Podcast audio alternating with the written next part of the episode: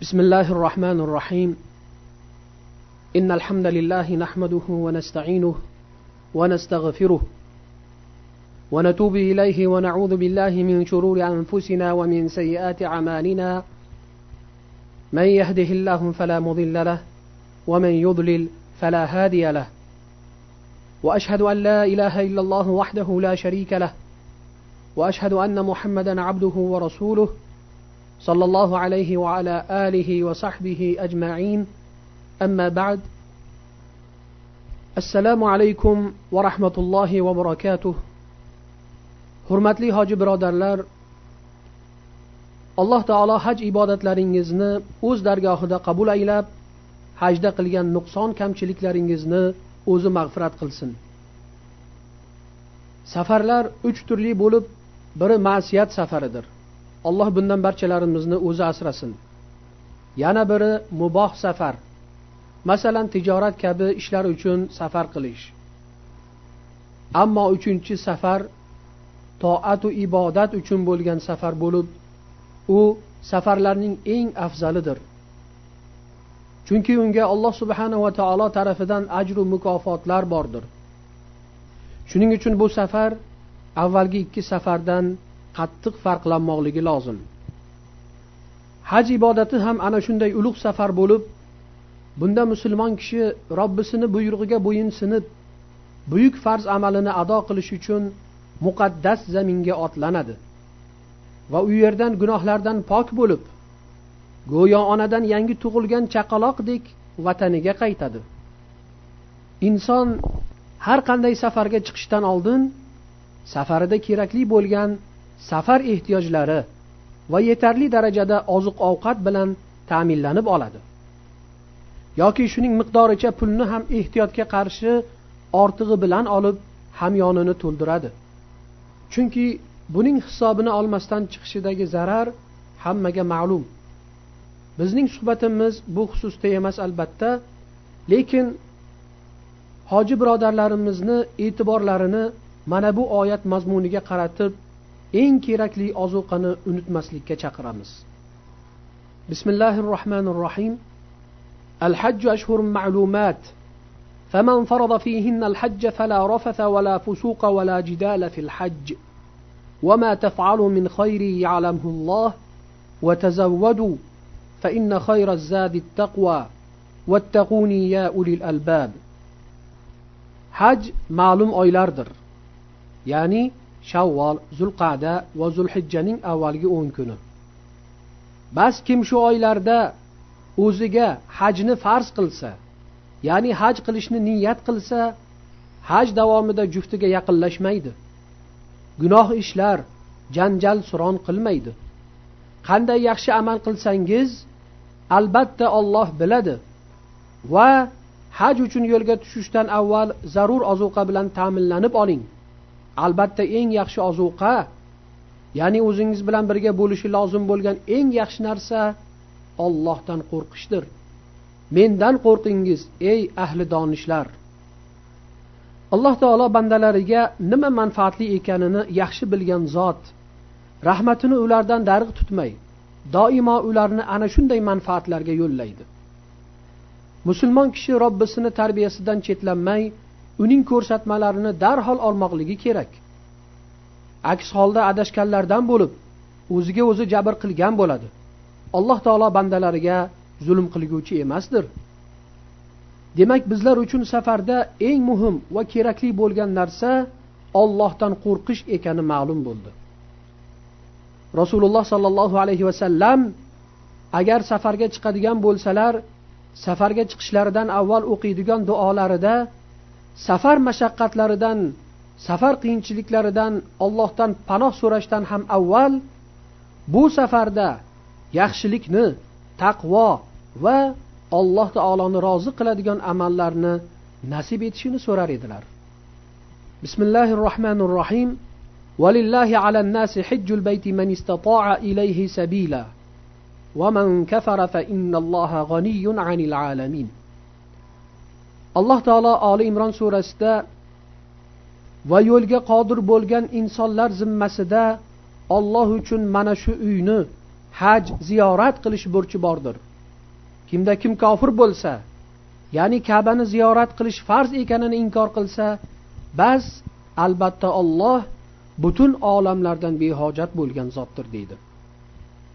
Albatta haj amalidan olloh emas balki bandalargina manfaatdor bo'lib zarar ham o'zlarigadir. Va haj uning yo'liga qodir bo'lganlar uchun farzdir. Hajning fazilati haqida payg'ambar sollallohu alayhi vasallam mana shunday marhamat qiladilar. Al umratu العمرة كفارة umrati kaffaratun والحج المبرور ليس hajjul جزاء laysa lahu jazaun umra ikki umraning o'rtasidagi gunohlar uchun kafforatdir. Ya'ni umradan keyin qilingan umra ikkisini orasida qilingan gunohlar uchun kafforat bo'ladi. Hajjul mabrurning mukofoti esa faqat jannatdir deydilar. Mana bunday ulkan farz ibodatini olloh xohlaganidek uning farz vojiblari va sunnatlariga putur yetkazmay ado etib ajru savoblar va mag'firatlarga erishish uchun albatta taqvo ozuqasi kerak. Chunki kishida taqvo bo'lmasa hajda mo'min birodarlari bilan janjallashib yoki gunoh ishlar qilib qo'yib hajini haj mabrur bo'lishidan mahrum bo'lib qolishi mumkin. Taqvoning ma'nosida ulamolar taqvo olloh va uning rasuli muhammad sollallohu alayhi vasallam buyurgan vojiblarni qilib ular qaytargan haromlardan qaytish ila o'zing bilan do'zax o'rtasida to'siq yasamoqligingdir deydilar. Hurmatli hoji birodarlar taqvo hosil qilish uchun avvalambor olamlar robbisi bo'lmish alloh taoloning nidosiga labbay deb mukofoti jannat bo'lgan ulug' safarga chiqqanligingizni ko'z o'ngingizda tasavvur qiling. Bu haj ibodati bilan jamiki payg'ambarlar ummati musharraf bo'lib u ummatlarni o'z payg'ambarlari ularga yetakchi bo'lib bu muqaddas diyorlarga muborak qadamlarni bosganliklarini eslang. So'ng payg'ambarimiz muhammad sollallohu alayhi vasallamning tug'ilib o'sib u zotga ilk bor olloh tarafidan vahiylar nozil qilingan ona zaminlariga kelib u zot yurgan muborak tuproqlar ustida turganingizni va rasululloh sollallohu alayhi vasallamni ko'rib u zotga iymon keltirib sahoba bo'lish sharofatiga muyassar bo'lgan va butun olamga yaxshilik madrasasiga aylangan ulug' insonlarning yurgan yerlariga kelish sizga nasib bo'lgani haqida chuqurroq tafakkur qiling. Shunda qalbingizda ollohdan qo'rquv paydo bo'lib ibodatning qadrini bilasiz. Zero alloh taolo ko'p oyatlarida tafakkur qilishga buyurgan. Hajning eng asosiy rukni bo'lgan arafot yerida duolar qilib turishni eslang. U sizga mahshorgohni ko'z o'ngingizda tasvirlab bu holni olamlar robbisining oldida butun haloyiqlarning jamlanishlariga o'xshatadi. Sahih hadislarida kelishicha alloh taolo maloikalarga faxrlanib bandalarimga qaranglar. Meni rahmatimni orzu qilib olis olislardan sochlari to'zigan changlarga botgan holda keldilar. Men sizlarni shohid qilib aytamanki ularni gunohlarini mag'firat qildim der ekan. Hoji birodarim siz ham mana shu marhamatlar ostiga dohilsiz. Sizni bu fazildan hech kim man qila olmaydi. Qalbingiz sevinchga to'lsin. Alloh taolo sizni qanday ne'matlar bilan ulug'laganiga nazar tashlang. O'tmishdagi solihlarning hajdagi hollariga ham bir boqing. Chunki ularning yurish turmushlari bizlar uchun katta darsdir. Ajab emas ulardan ta'sirlanib taqvodorlardan bo'lib qolsangiz. Hakim ibn hizom roziyallohu anhu arafa kuni so'yish uchun tayyorlangan yuzta tuya va yuzta qulni olib kelib qullarni ozod etar ekanlar. Shunda buni ko'rib turgan odamlar yig'iga tushib ovozlarini ko'tarib duo iltijolar qilib aytishar ekanki ey parvardigoro mana bu quling qullarini ozod qildi. Biz ham sening qullaringmiz. Bizlarni do'zax otashidan ozod qilgil. Mana shunday ulug' insonlardan yana biri fuzayl arafada turganlarida odamlar duo qilishar ekan. U kishi esa farzandini yo'qotgan ayoldek qattiq yig'lar ekanlarki hatto duo qilishga ham ojiz bo'lib qolar ekanlar quyosh botar zamon boshlarini osmonga ko'tarib holimga voy bo'lsin agar meni kechirmagan bo'lsa robbim der ekanlar bu kishidan kelgan ba'zi rivoyatlarda aytadilarki قال الفضيل لشعيب بن حرب بالموسم إن كنت تظن أنه شهد الموقف أحد شر مني ومنك فبئس ما ظننت arafa kuni haj mavsumida bu zot shuayb ibn harbga aytgan ekanlarki agar sen bu o'ringa men va sendan ham yomon kishi kelgan deb o'ylagan bo'lsang juda yomon narsani o'ylabsan ya'ni biz gunohi ko'p kimsalarmiz demoqchidirlar وروي عن الفضيل أنه نظر إلى تصبيح الناس وبكائهم عشية عرفة فقال أرأيتم لو أن هؤلاء صاروا إلى رجل فسألوه دانقا يعني سدس درهم أكان يردهم قالوا لا قال والله للمغفرة عند الله أهون من إجابة رجل لهم بدانق yana fuzayldan rivoyat qilinishicha u kishi arafa kuni quyosh botar vaqt odamlarning tasbih aytishlari va yig'ilariga qarab aytgan ekanlar. Qaranglar agar mana bu odamlar hammalari bir kishiga borib bir doniq ya'ni dirhamning oltidan birini so'rashsa u odam ularni qaytarib yuboradimi? Oldilaridagi kishilar yo'q albatta dedilar. Shunda u zot aytdilarki allohga qasamki ollohdagi mag'firat bu kishining haligi odamlarga beradigan donig'idan ham yengilroqdir. Bu solih kishilar xalqlar ichida obro' e'tiborli va fozilu olim taqvodor bo'lishlariga qaramay ibodatda alloh taologa haqiqiy qulchilik qilganlar. Ularning olloh uchun uzoq va davomli qilgan ibodatlari ularning qalblariga gunohdan pokdirsan degan fikrni olib kira olmagan. Aksincha ular mana shunday ulkan ibodatlarga qaramay o'zlarini eng katta osiy bandalardan hisoblaganlar. Bu kishilar bizlar uchun butkul madrasadirlar. Bizlar ham ular yurgan yo'llardan yurib mana bunday marhamatlarga musharraf bo'laylik. O'zimizni begunoh kimsalar deb o'ylab tavba tazarrular qilmay balki gunohu ma'siyatlar bilan mashg'ul bo'lib eng qimmatli qadrli fursatni qo'ldan boy berib qo'ymaylik. Bundan tashqari taqvo ozuqasini shu haj asnosida ham bir qancha amallar orqali qo'lga kiritish mumkin. Ulardan ba'zi birini aytib o'tamiz qur'onda to'qsondan ko'p o'rinda kelgan sabr kalimasiga to'xtalamiz. Bu sabr kalimasi qur'on oyatlarining birida sabr qilishga buyurilib kelgan bo'lsa birida esa alloh taolo sabr qilguvchilar bilan birgaligi aytilgan. Yana boshqa oyatlarda esa sabr qilguvchilar uchun bo'ladigan marhamatlarni zikr qilingan. Xullas rasululloh sollallohu alayhi vasallam hajni urushsiz jihod deganlaridek haj mashaqqatlari og'irdir. Ojiz banda bu qiyin ibodatni ado etish vaqtida yana qanday taqdirning imtihonlariga duch kelishini oldindan bilmaydi. Faraz qiling. Hojiga hojini ko'nglini shod qilmaydigan yomon xabar yetib kelsa yoki hamyonini yo'qotib qo'ysa yoki haj ibodati boshlanishi bilanoq kasal bo'lib haj tugaganda sog'aysa ibodat halovati yo'qolib ne kuylarga tushadi deb o'ylaysiz. Haj esa uning pulini yoki shifo topishini kutmay vaqt o'tishi bilan o'tib ketaveradi. Goho hoji birovga yaxshilik qilib o'sha yaxshilik qilgan odamdan yomonlik qabul qilishi ham mumkin.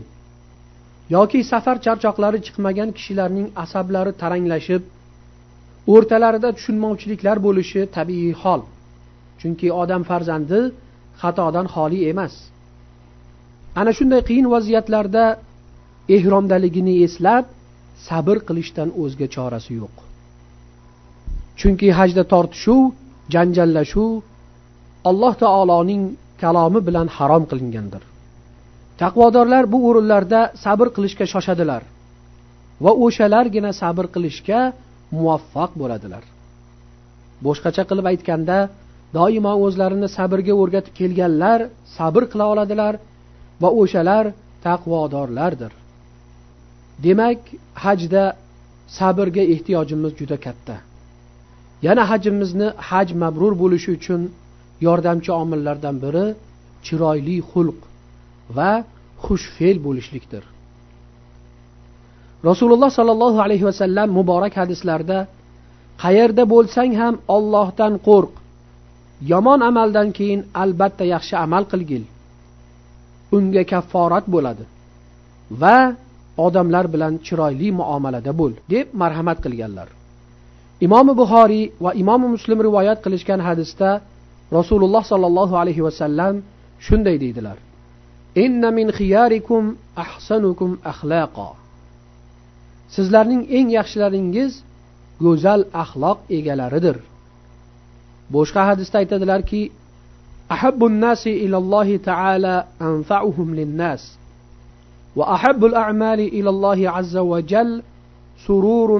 تدخله على مسلم أو تكشف عنه كربة أو تقضي عنه دينا أو تطرد عنه جوعا.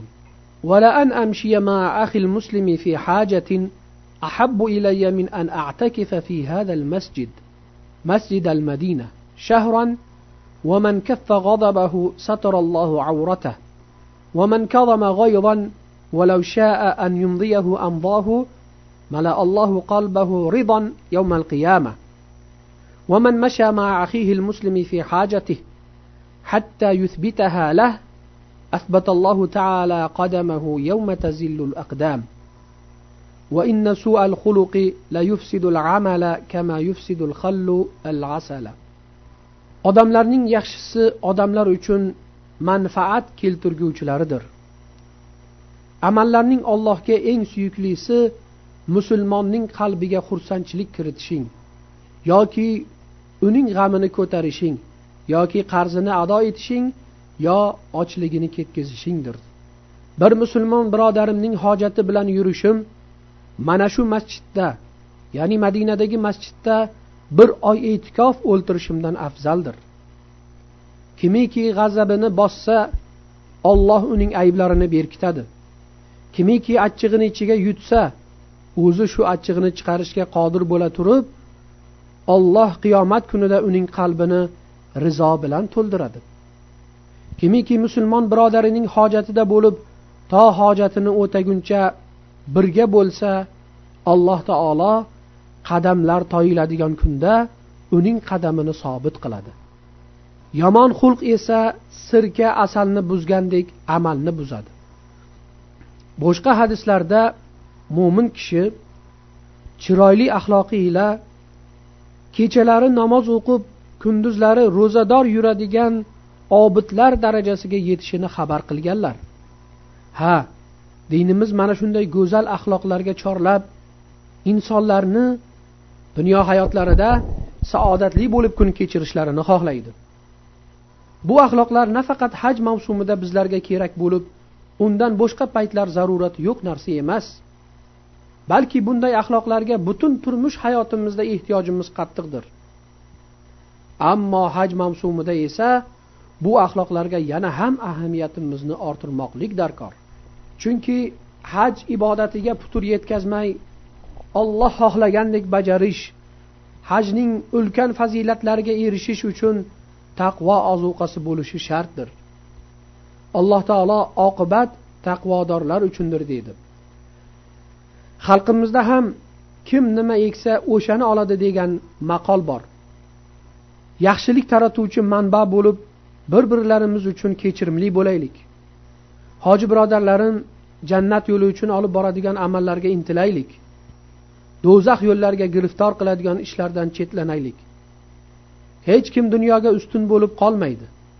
Hammaning robbisiga qaytish kuni bordir.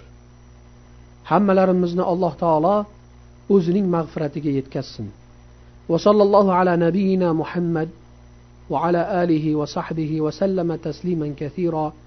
والحمد لله رب العالمين. السلام عليكم ورحمة الله وبركاته.